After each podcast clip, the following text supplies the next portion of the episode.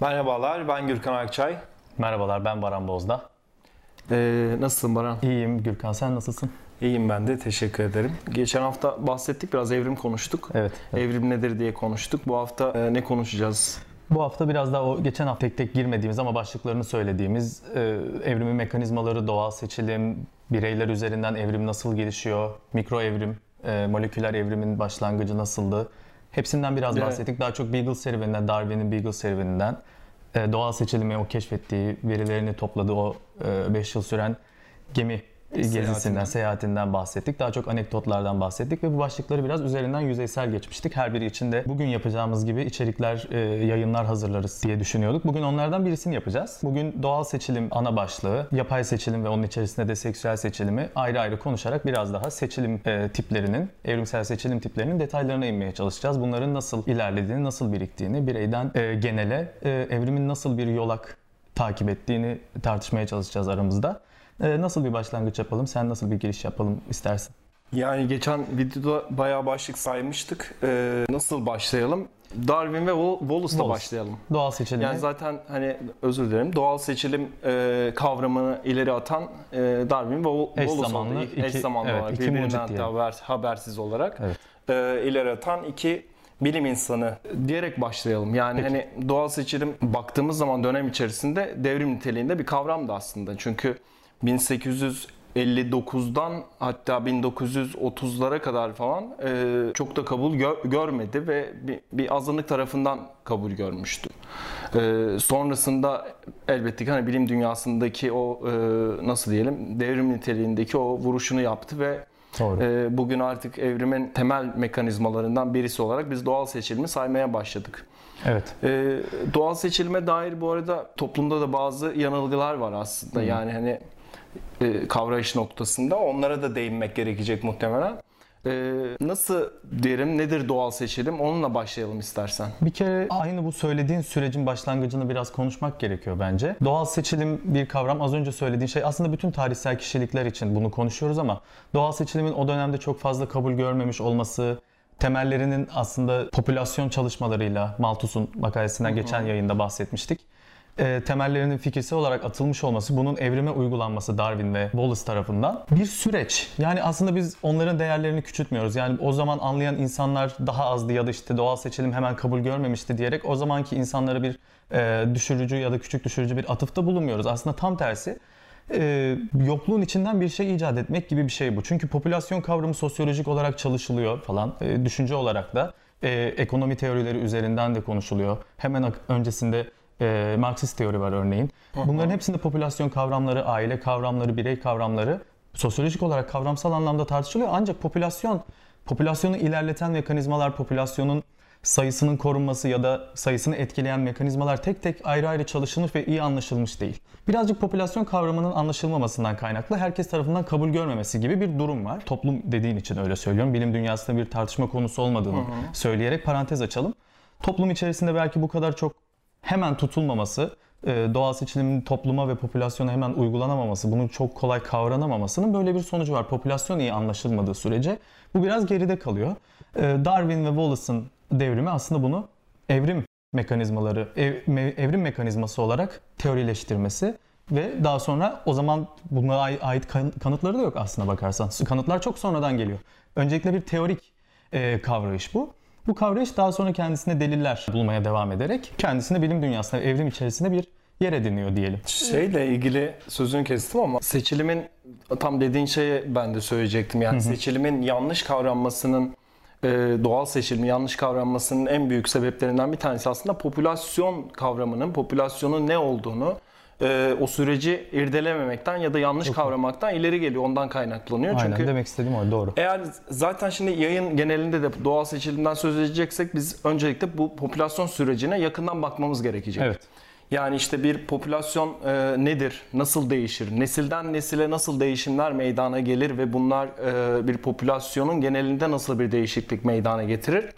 Bunlar üzerine biraz odaklanmak gerekecek herhalde. Evet ancak yani doğal seçilimin doğru kavramasının geçerli şartı bu. Evet, şimdi e, o zaman şöyle diyelim yani popülasyondan bahsettik. Popülasyon içerisinde bireyler var. e, eşeyli üreyen bireyler var. Eşeysiz üremede de bu arada yani yanlış anlaşılmasın şimdi yani eşeysiz üremede de doğal seçilim söz konusu doğal seçilim süreci. E, popülasyon kavramında eşeyli üreme söz konusu bir anne bir e, baba birey var erkek ve dişi birey var. E, bunların ürettiği yavrular var ve çoğunlukla da popülasyon içerisinde hayatta kalabilecek sayıdan çok daha fazla sayıda e, yavru üretilir ve bunların da aslında çok azı hayatta kalır. Buradan bakınca da şunu söylemek gerekir aslında. Doğal seçilim esasında yani bir seçme süreci değil bir eleme süreci, eliminasyon süreci demek daha doğru bir ifade belki olabilir. Yani tanımlama açısından söylüyorum. Çok doğru. E, çünkü çok fazla sayıda e, birey var. Bunların her biri Darwin de bu şekilde ifade ediyor. E, her bir işte ana ve e, baba canlıdan, dişi ve erkek bireyden meydana gelen yavrular e, çok sayıdalar.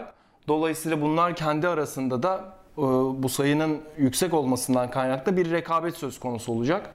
Bu rekabetten kaynaklı da bazıları e, hayatta kalacak, bazıları da hayatta kalamayacak. Kalamayacak. Burada işte aslında bu hayatta kalamayanları belirleyen şey bir e, orada bir seçme süreci aslında söz konusu ya da eleme süreci doğanın Girip elediği. bir süreç aslında. İkisi de aynı anda oluyor. Evet, doğanın elediği bir e, süreç söz konusu. Bir parantez açayım. Unutma lütfen sözünü. Aslında bu eleme yapılırken bireyin hayatta kalma gücü yani hayatta kalmış olması, seçilmiş olması veya kalamamış olması aslında belirleyici değil.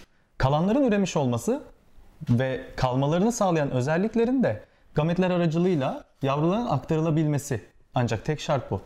Yavrularına aktaramadığın özelliklerle hayatta kaldıysan bunun yine evrime çok fazla bir etkisi yok. Evrim bunun üzerinden e, seni bir basamak olarak alıp, o bireyi basamak olarak alıp devam edemeyecek, ilerleyemeyecek. Ürüyor olman şart. Ürerken de hayatta kalmanı sağlayan o özelliklerini aktarman şart. Yani bunlar aktarılamayan özelliklerin ise e, offspring'i yani yavrun başka bir hastalıkla, başka bir mutasyonla, çaprazlanma sonucu başka bir e, DNA hasarıyla dünyaya geldiyse, seninle aynı kapasiteye sahip değilse, yani aktaramadıysan hayatta kalma özelliklerini, survival özelliklerini o zaman aslında evrimsel olarak avantajlı da olmuyorsun. Özelliğin seçilmiş de olmuyor. Yani tek bir bireye bakıp hayata hayatta kalmış olmasının evrime o bireyin özelliklerinin e, evrim için o bireyin özelliklerinin tercih edilmiş olduğunu söylememiz maalesef mümkün değil. Evet, Bu yüzden yani- de aslında insanlar bireysel baktıkça evrime yanlış anlıyorlar. Kesinlikle öyle. Ee, bir süreci ele almak lazım. Doğru. Yani o dediğin gibi e, o özelliğin aktarılıyor olması lazım ki biz e, burada bir seçilimden söz edebilelim. Biraz önce çok sayıda yavru üretir dedik yani bireyler, dişi ve erkek bireyler. E, bunları neredeyse hatta hepsi neredeyse hepsi ya ölür ya da e, bir şekilde üreyemez e, noktaya geliyor ve her bir e, çift için, dişi erkek birey için, ana baba e, birey için iki yavrunun en az iki yavrunun hayatta kalması e, süreci aslında söz konusu. Bu iki yavru da e, hayatta kalınca da bunlar artık bu arada bu iki yavrunun hayatta kalması popülasyon içerisinden bu tabii ki yani rastgele seçilmiş iki yavru yok. Çünkü genetik özellikler hepsinin birbirinden farklı ve bu iki yavru çevrenin zorluklarına ve çevresel e, nasıl diyelim bir takım işte e, Değişimlere. değişimlere, dönüşümlere en uygun şekilde adapte olabilmiş e, yavrular, bireyler olmuş oluyor. E, buna da aslında en temelde baktığımızda doğanın bir eleme süreci neticesinde seçilmiş iki birey e, ya da hani ikiden fazla da olabilir bu. E, iki bireyin ortaya çıkması ve bir sonraki nesile genlerini aktarabilmesi şeklinde söyleyebiliriz. Şimdi evrim doğal seçilim temeli üzerinden ilerlerken bu doğal kavramının içerisinde bazen işte diğer seksüel seçilim veya işte yapay seçilim süreçlerini dahil eden görüşler de var. Bunlar tabii ki e, görüşler, e, fikirler ve kavramsal olarak tartışılan fikirler. Örneğin insan yapay olarak köpekleri seçiyor. E, bir önceki yayınımızda da bahsetmiştik. Canis lupus türü yani köpek köpek köpek türü e, yüzlerce ırkı var. Altında yüzlerce ırktan oluşan bir tür. Baktığın zaman birbirlerini ayır, ayırt edemiyorsun. Yani işte e, Great Danoalar mesela değil mi? Hani e, 100 kilonun üzerinde olabiliyorlar. Yani tuzlu fıstık kadar şeyler, köpekler de var. Yani böyle Evet. küçücük hani süs köpekleri denilen. İkisi de aynı tür ama. Yani insanda görmediğimiz bu kilo farklılıkları evet 400 kilo insan da var, 35 kilo insan da var. Ee, bunun üzerinde bile canlılar içerisinde böyle farklılıklar görüyoruz. Bu yapay seçilimi yürüten insan da aslında bu doğal evrimin sonucu olduğu için aslında doğal seçilime diğer seçilim türleri, seksüel seçilim, birazdan açacağımız yapay seçilim gibi türler, parantez içinde söylediğim şeyler doğal seçilime çoğu zaman dahil ediliyor. Başka tür yaptı diye şu an insanların seçtiği yani o antropolojik etkiyle e, gerçekleşmiş evrimsel süreçleri Yine parantez açarak köpeklerin evrimi son 50 bin yılda bunun bir örneğidir. E, bunlar doğal seçilimin içine aslında alt başlıklar olarak dahil ediliyor bazı görüşlerde. E, doğru tarafları da var. Tartışılabilir hala açık tarafları da var. Yapay seçilim başka bir kolda da incelenebilir elbette. Nihayetinde aslında hepsinin ortak özelliğine baktığımızda neden doğal seçilim diyebiliriz hepsine? Şundan dolayı köpek içinde insan çevre aslında. Birlikte yaşadığı ekoloji. O yüzden aslında bu yayınımızın hemen başında söylediğimiz popülasyon kavramını da hemen o kavramı bir tanıtmak gerekiyor. Onu söyleyeyim. Bir yerden bahsederken şu an bizimle aynı ortamda yaşayan köpekler, kediler bizim popülasyonumuza dahil değil. Popülasyon kavramı ancak ve ancak tek bir tür için kullanılabilir. Yani insan popülasyonu, köpek popülasyonu, Kedi insan artı köpek bir popülasyon olmuyor. Evet. Ee, bu doğru bir tanım değil. Evrimde popülasyonu incelerken her bir türü, bir karınca türünü de diğer karınca türünden farklı düşünmek zorundayız. Ee, ancak bütün karıncalardan bahsederken evet karınca popülasyonu diyebiliriz. Ancak türleri ayrı ayrı incelediğimizde her bir tür için popülasyon kavramı yeni bir tanım e, almaktadır ve oranın sayısıyla anlatılmaktadır. Yani o e, birey sayısıyla anlatılmaktadır. Hemen araya belirleyici olması açısından şunu söylemek lazım. Belirli bir bölgedeki tür sayısı e, popülasyon Doğru, bir sınır olarak, çizmek gerekiyor. Evet bir sınır belirtmek gerekiyor. Popülasyon olarak ifade e, ediyoruz. Şimdi popülasyon dedik, tanımını verdik. Doğal seçilimde en fazla böyle kafalarda e, netlik yaratacak bir ifade aslında söyleyelim. Doğal seçilim doğrudan bir bireylerin e, bilinçli olarak seçildiği bir süreç değil esasında. E, en uygun olan türün ya da en uygun fenotipin, bireyin hayatta kaldığı, e, çevreye, çevreye uyum sağlayarak hayatta kaldığı, neslini devam ettirebildiği süreç doğal Hı-hı. seçilim. Aslında birey değil orada hayatta kalan. Özellik, karakter. Özellikleri, karakterleri. Evet. Onun hem yaşamasını, hayatta kalma yetenekleri hem de üreme yeteneklerinin bir e, nasıl diyelim kombinasyonu, karışımı veya. Evet. Bunların en iyi şekilde bir araya gelmiş olması gerekiyor. En iyi olmasa bile o türün içerisindeki o, o çevreye o çevreye en uygun özelliklerin bu anlamda bir araya gelmiş olması gerekiyor. Evet. E... Burada doğal seçilim etkilerken aynı zamanda biraz sonra açacağımız seksüel seçilim de devreye giriyor ve o bireyin artık üreyebiliyor olması veya genlerini devam ettirebilecek eşini bulabiliyor olmasını sağlayan özellikler o seçilimin de işlediği e, bir durum var çünkü o seçimin de işleyeceği mekanizmaların yerine gelmiş olması gerekiyor. O seçimin işleyebileceği özelliklerin o bireyde toplanmış olması gerekiyor ki tüm bunların sonucunda bir birey hayatını devam ettirebilsin, üreyebilsin. Daha sonra bu genlerini aktarabilirse doğru e, spermle, gametle, yumurtayla veya polenle hı hı. o zaman devam eden bireylerde benzer özellikleri taşıyacağından daha yüksek ihtimalle onlar da bir sonraki nesle aynı şekilde devam ettirerek artık on binlerce, yüz binlerce nesil sonra evrimsel olarak tırnak içerisinde evrimsel olarak başarılı olabilsin bu tür veya bu, bu türden sonra gelen diğer türler. Çünkü evrimsel olarak diyoruz ki her tür bir ara türdür. Kendinden önce bir tür vardır hı hı. ve ondan sonra gelecek bir tür de mutlaka olacaktır evrimsel olarak başarılı olursa.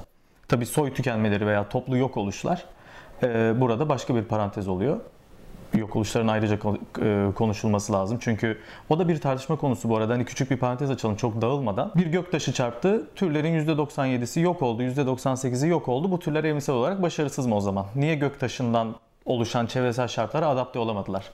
Olabilirlerdi eğer bu 100 bin yıl sürseydi. Örnek veriyorum. Bireyin değişme hızıyla çevresel değişme hızı birbirini tutmadığı zaman, birey buna o hızda adapte olamadığı zaman aslında evrim temel parametresi işlemeye başlıyor. Yok etmeye, başarılı olanı seçmeye veya başarısız olanı e, elemeye, elemeye başlıyor. Önemli olan çevresel değişim hızına bireyin ayak değişim uydurma. hızının ayak uydurması, türün değişim hızının çeşitlilik çeşitliliğe bağlı olarak değişim hızının ayak uydurabilmesi.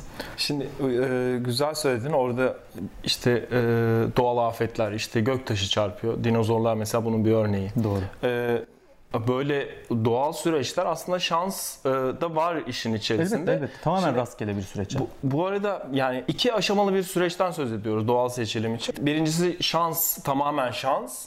Ama ikinci süreç büyüme, gelişme ve doğanın artık zorluklarına işte çevresel koşullara adapte olabilme sürecindeki o seçilim, eliminasyon ee, şans burada artık yok işin içerisinde şey var.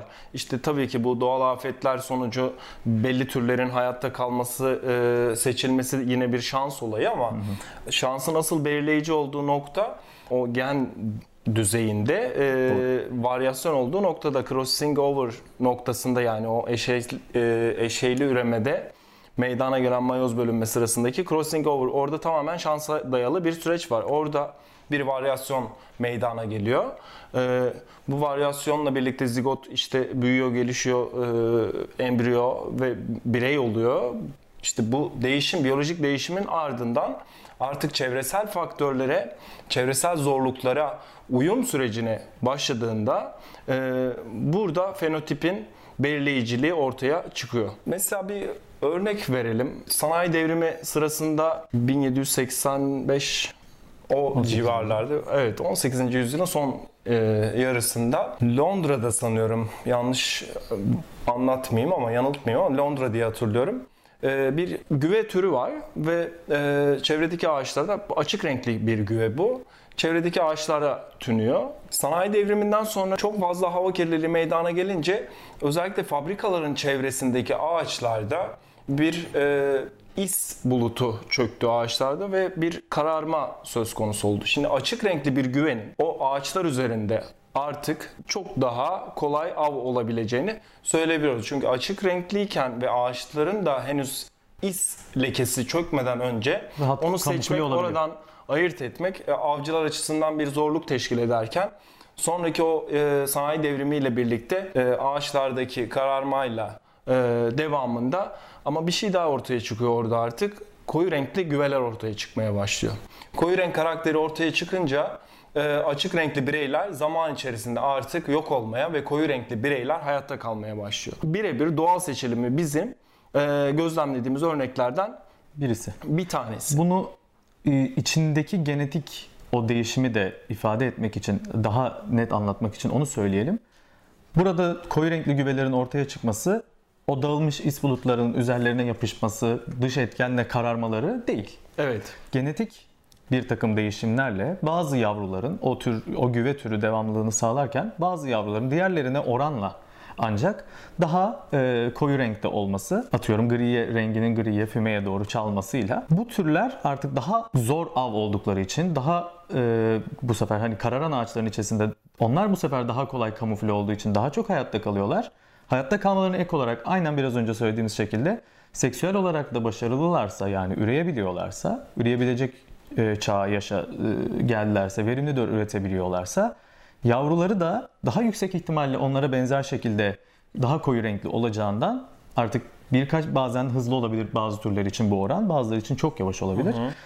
Gelen türlerde bu özelliğin korunması dolayısıyla artık popülasyon içerisinde yani oradaki güve türünün popülasyonu içerisinde koyu rengin daha favorable, daha tercih edilir. Genetik olarak daha tercih edilir. Ancak bir buraya bir omnipotent akıl koymamak gerekiyor. Yani buna karar veren bir üstün mekanizma yok. Tamamen rastgele bir değişimin oradaki biyolojik, e, çevresel şarta, ekolojik değişime uygun, daha uygun Düşmesi. olmuş olması. En uygun değil ama daha uygun düşmesi ve bunun daha sonra doğal olarak e, daha kolay üremesi, daha kolay yürüyenlerin anne ve babalarına benzemelerinden dolayı daha koyu olması ve bunu takip eden popülasyon içerisinde daha baskın koyu renkli türün, e, koyu renkli bireyin oluşması. Genetikle aslında doğal seçilimin bağı bu. Darwin'in veya Wallace'ın bilmediği şey de buydu. O genetik değişim ne? Burada da parantezi açalım. Bir sonraki veya daha sonraki yayınlara bırakalım bu işi. Buradaki değişimler mutam, mutasyonlar, DNA rekombinasyonu e, ve crossing over gibi e, DNA bazındaki değişimler. Varyasyon yaratan değişim. Varyasyonlar, tür içi çeşitliliği sağlayan e, genetik değişimler diyelim. Bir şunu da yani hani e, bu toplumsal olarak da yani bilim dünyasında olmasa da toplumsal olarak yanılgılardan bir tanesi de şu. e, doğal seçilimin bir amaç e, yönünde gerçekleştiğine ilişkin. Halbuki Kökeni burada- Lamarck. Onu da söyleyeyim. Evet, evet. Ee, ama burada bir ama yani seçilim sürecinde ya da eliminasyon sürecinde bir amaç yok. Ee, amaca yönelik değil. Zaten hiçbir evrimsel mekanizmanın amaca yönelik bir sonraki adımı tahmin ederek işte bir karakteri seçmesi e, böyle bir süreçte zaten gözlemlenebilmiş değil. Değil. Genetik çünkü tamamen rastgele ve e, random bir süreç. Rastgele olduğu için sonuçları rastgele. Her anında da yaşamın her anında da bu test edilen bir süreç aslında. Yani o Aynen karakter her an e, çevre şartlarıyla test ediliyor.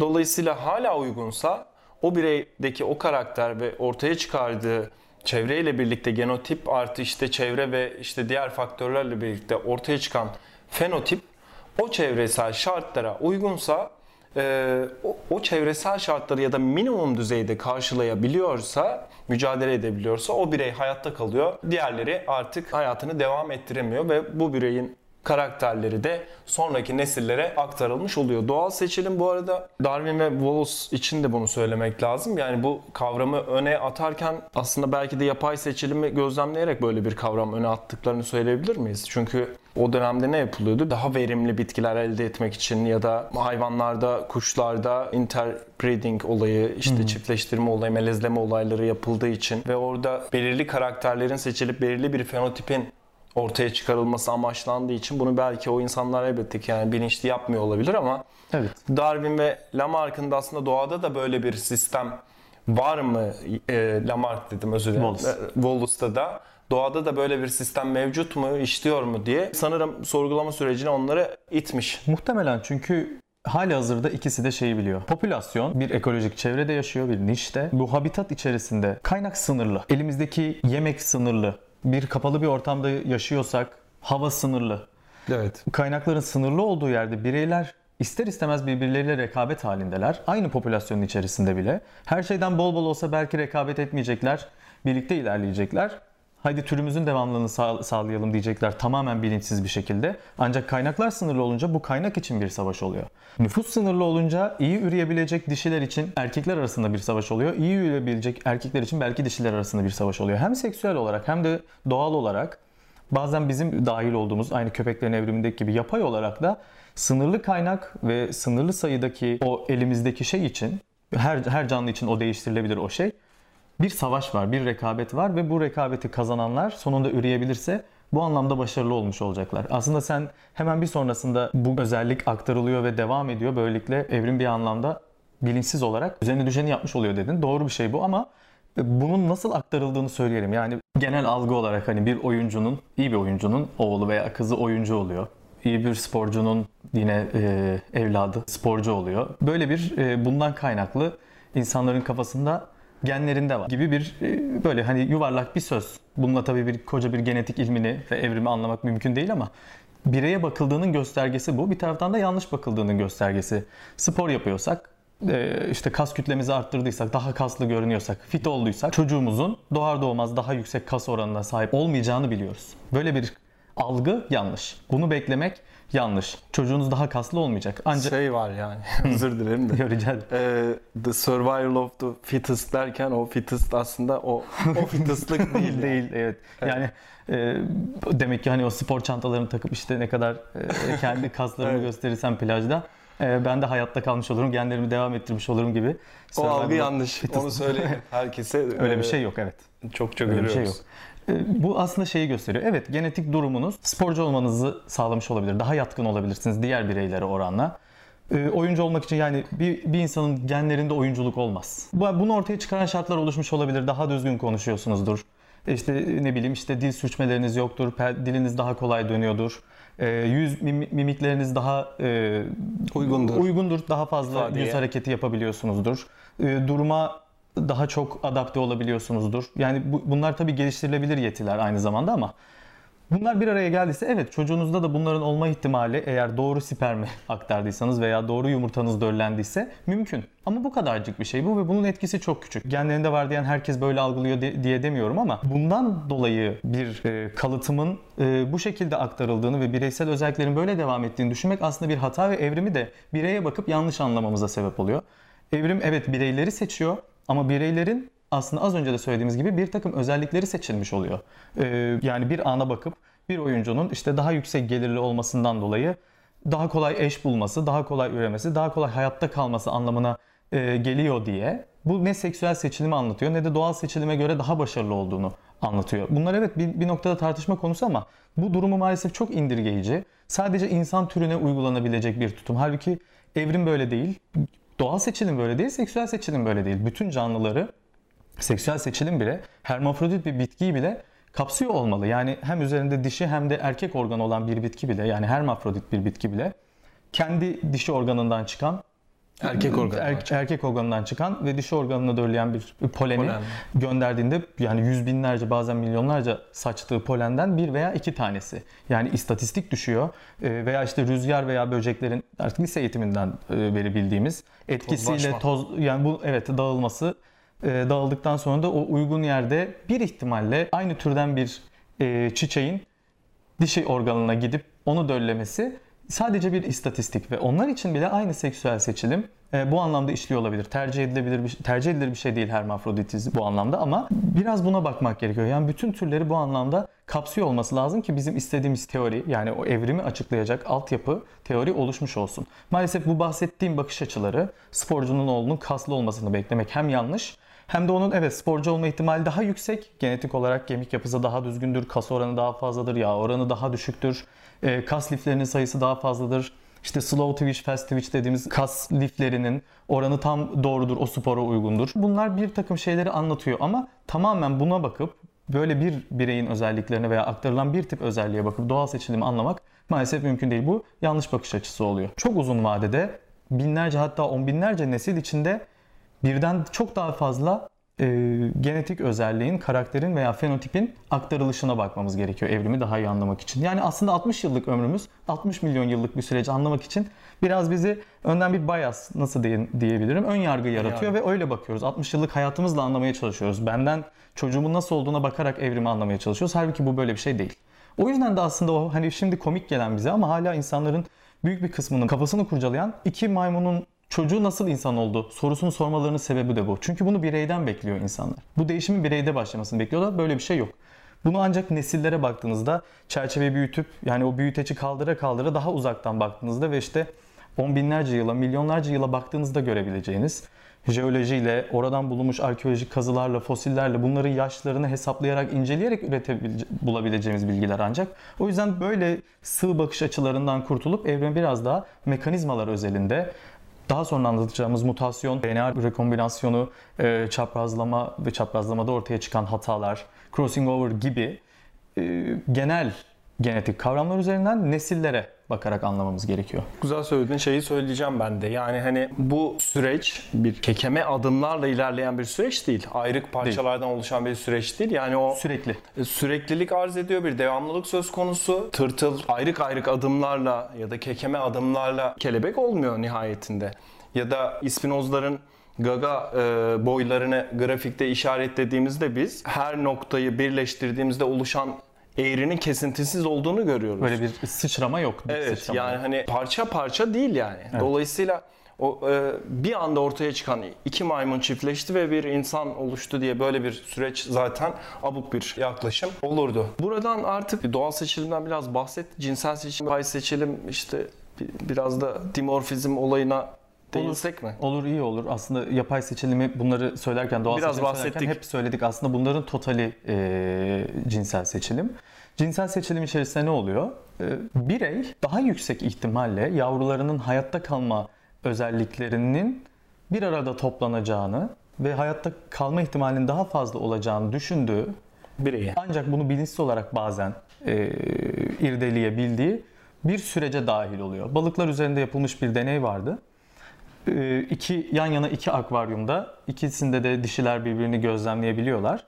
Birer dişi koyuluyor. Her bir dişi, bir dişi yalnız başınayken diğer dişinin yanına iki erkek e, balık koyuluyor. Bu balıklardan hangisini tercih ettiyse o akvaryumdaki dişi aynı erkek bireyler diğer akvaryuma atıldığında da yüzde, defalarca tekrarlandı bu deney. Yüzde olarak e, ikinci balığın erkeklerin daha sonra eklendiği akvaryumdaki balığın ilk dişini tercih ettiği erkeğe daha fazla meylettiği e, gözleniyor. Burada dişi erkek arasında bir hiyerarşi koymuyor ancak Kolaycılık da var aslında orada. evet tabii yani bu tercih edilmişti muhtemelen daha doğru diyor. Bu tabii yine tek bir zamanda tek bir türe bakmak. Yani tek bir türün tek bir bireyine bakmak oluyor. Yine buradan bir şey kavramak çok doğru değil ama bu deneyler farklı türler için on binlerce, yüz binlerce kez yapıldığında ve bu gözlemler gerçekleştirildiğinde görüyoruz ki cinsel olarak cinsel olarak bu çekim dediğimiz parantez içerisinde hatta tırnak içinde bir birey karşı cins bir birey benim üreme ihtimalim olan bir bireyden olacak çocuklarım acaba ondaki özellikleri alıp e, daha çok diğerlerine oranla, diğer bireylere oranla daha güçlü olabilir mi? Daha e, fazla hayatta kalma yetisine, artık o tür için onlar neyse. E, Daha iyi koku alma olabilir o tür için. Daha kolay yem bulma olabilir. hem cinsleriyle kavgayı kazanıyor olabilir e, gibi yani artık sınırlandıramayacağımız ancak tür özelinde incelememiz gereken bir takım e, yani uydurarak da bulabileceğimiz özellikler olabilir bunlar. Tür içerisindeki bireyler bilinçli veya bilinçsiz bu sürece dahil e, oluyorlar ve cinsel olarak bazılarını diğerlerine oranla daha fazla tercih ediyorlar. Çünkü 5 bireyle üreme ihtimali varsa hangisiyle yapacağı evladın, çocuğun, yavrunun daha yüksek ihtimalle hayatta kalabileceğini ve kendi genlerinde o vasıtayla devam edebileceğini düşündüğünü e, düşünüyoruz ve deneyler, veriler, bugüne kadar yaptığımız farklı farklı türlerdeki gözlemler bunu gösteriyor. Zaten hani doğal, doğal gözlemlere de baktığımızda bu seksüel di- dimorfizmin e, örneklerinde işte tavus kuşunun, erkek tavus kuşlarının e, çok, güzel daha göz- o. göz- gösterişli Evet. kuyruklarının olması, geyiklerin daha gösterişli boynuzlara sahip olması, dişiler tarafından da bir ne kuşuydu? Bir kuş vardı. Geçen gün bilim filine de yazdık. Ben haberine girmiştim de yeni bir tür olduğu keşfedildi. E, şov yapan, dans yapan bir kuş vardı ya. Ha kuş, ben de türün adını unuttum şimdi bak. E, cennet kuşu. Cennet kuşu, erkek cennet Tamam. kuşu. Ha. Evet. Ee, cennet kuşunun yani cennet kuşlarının bir türü, yeni bir türü e, keşfedildi. Onun bir dansı var mesela. Yani erkek orada inanılmaz bir dans yapıyor çaba içerisinde. Sorguçlarını falan. Evet. Ee, dişi tarafından yani dişi yani bir orada seçilim şansı sunuyor. Dişi bu dansı yapan e, bireyleri ya da daha gösterişli olan bireyleri tercih ediyor. Burada cinsel seçilimin örneklerinden bir tanesi aslında bu. Evet. Aynı tür içerisinde böyle bir mekanizmanın işlemesi gerekiyor. Yapay seçilim bunun aslında paralel e, bir süreç. Doğal şartların çok da fazla aktif olmadığı, ilk tartışmayı bir kenara bırakarak söylüyorum. İlk e, yayının başında bahsettiğimiz tartışmayı bir kenara bırakıyorum. Paralel olarak bu doğal şartların çok fazla etkili olmadığı ancak yarı bilinçli veya bilinçli olarak temelde antropolojik olarak insanı düşünebiliriz. İnsanın etkili olduğu ve tercihen bazı türlerin e, e, türü içindeki bazı canlıların daha fazla tercih edilmesi insanların Avantajlı kullanımına olması. göre avantajlı avantajlı olması ile artık o ırkın özelliklerinin ön plana çıkması kullanım yolu diyelim. Yani çünkü köpekler insanlar tarafından kullanılmışlar örneğin. Hayvanlarına bakmak için ya da işte kendisi besleyecekse evinde e, çünkü biraz da hani bu şey ya toplumda hiyerarşi meselesi e, bir noktada da hayvan beslemek e, yani belki hani yerleşik hayata geçildiğinden beri böyle bir şey var. Hani köpeklerin evrimini, son evrimini 50 bin yıl, yapay seçilimi 50 bin yıla yayıp inceleyebiliyoruz. Ama işte son dönemde de yerleşik hayatta geçildiğinden beri de insanlar belki evinde besleyecekleri, gezdirecekleri, işte kucaklarında taşıyacakları köpekleri daha küçük tercih ediyorlar. Fino gibi düşün. Artık öyle bir köpeği üretmek için de yine benzer küçük bir ırkla e, çiftleştirip Çiftleştirip. e, yavruları da ona benzer alacağın için onu tercih ediyorsun ve bu yuvarlak cümlelerle anlattığım e, durumla aslında bir yapay seçilim gerçekleşmiş oluyor.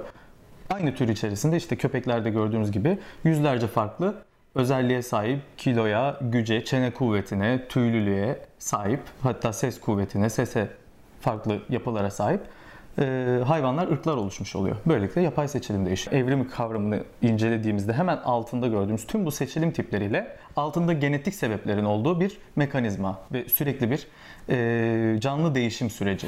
Tabii bir de bu seçilimlere ek olarak gamet seçilimi yanında evet yani daha küçük etkileri olan belki gamet seçilimi, grup seçilimi, akraba seçilimi gibi seçilim türleri de var. Hı, Onları çok detaylandırmayalım artık. Yani hani girmeyelim. Yani evet zaten isminden de hani o durum belli olmuş oluyor. Evet, hem de- gamet gamet seçiliminde e, mesela hangi ay döllendiyse e, dişi birey o, o sıradaki yumurtası döllenmiş oluyor ve aslında tamamen bilinçsiz yine random bir seçilim gerçekleşmiş oluyor. Spermler için de aynı şey geçerli. Tabi burada Evet. eşeli üremeden bahsettim, bahsediyoruz gamet seçilimi derken.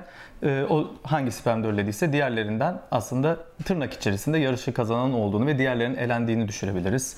Grup seçilimi içerisinde bir sosyal işbirliğinin farklı gruplarda e, daha başarılı sosyal işbirliğinin gelişmesiyle o grubun diğerine baskın olması, öne çıkmasıyla yani artık bu konu şey olabilir, e, savaşlara kadar gidebilir ama e, bu da yine çok yuvarlak bir anlatı olur. Yine bunun da nesiller boyu devam ediyor olması gerekiyor ki o grubun diğerine e, baskın olduğunu görelim, gözlemleyelim ve evrimsel olarak başarılı olduğunu anlayalım. Ne var ki e, bir öyle bir tanım var ve grup seçilimi aslında gerçekte bir şey daha iyi sosyal işbirliği yapan, daha iyi e, statülerini belirleyen ve o işbirliğiyle daha iyi avlanan, daha iyi Kaynakları aslında o sınırlı kaynak demiştik. Bütün seçilimlerde etkili. O sınırlı kaynağı daha aktif ve iyi kullanan grup diğerine oranla Daha başarılı baskın oluyor. daha hayatta kalıyor. Akraba seçilimi yine birey özelinde konuşulabilir.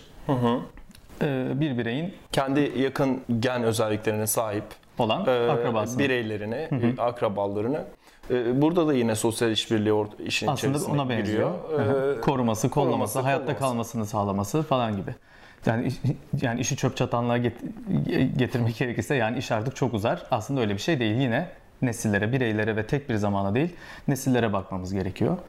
diyelim, Ve bitirelim. bitirelim. Evrimin genel mekanizmalarını konuştuğumuz doğal seçilim başlığı adı altında doğal seçilim, yapay seçilim, cinsel seçilim ve diğer alt seçilim türlerini konuştuğumuz, daha detaylı incelediğimiz bir yayın oldu. Yayınımızı beğendiyseniz e, beğen butonuna basmayı ve kanalımıza abone olmayı unutmayın. Bizlere maddi destekte bulunmak isterseniz patreon.com slash bilimfile hesabı üzerinden tek seferlik veya aylık olarak bütçeniz oranında bizde bağışta bulunabilirsiniz. Bu ve devamındaki videolarımızda e, bizlere destek olmak isterseniz çok mutlu oluruz. Kameranın hemen arkasında bulunan yönetmenimiz Dene Fuvaş e, bizimle stüdyosunu paylaşıyor. Bu sanıyorum 7. videomuz. Evet. 7 videodur. E, bizimle stüdyosunu paylaşıyor kamera arkasında bizimle birlikte. E, bekliyor, karımızı çekiyor diyelim neredeyse. E, ona buradan çok teşekkür Çok ediyoruz. teşekkür ederiz. Ee, bizleri yine Açık Bilim kanalı üzerinden, podcast kanalı üzerinden takip edebilirsiniz. Orada ben hemen araya gireyim mi Baran? Ee, geçen gün bu arada Açık Bilim 4 aylık istatistiklerin dinlenme istatistiklerini yayınladı. Sanıyorum 1 milyon 250 bin gibi bir rakam söz konusu.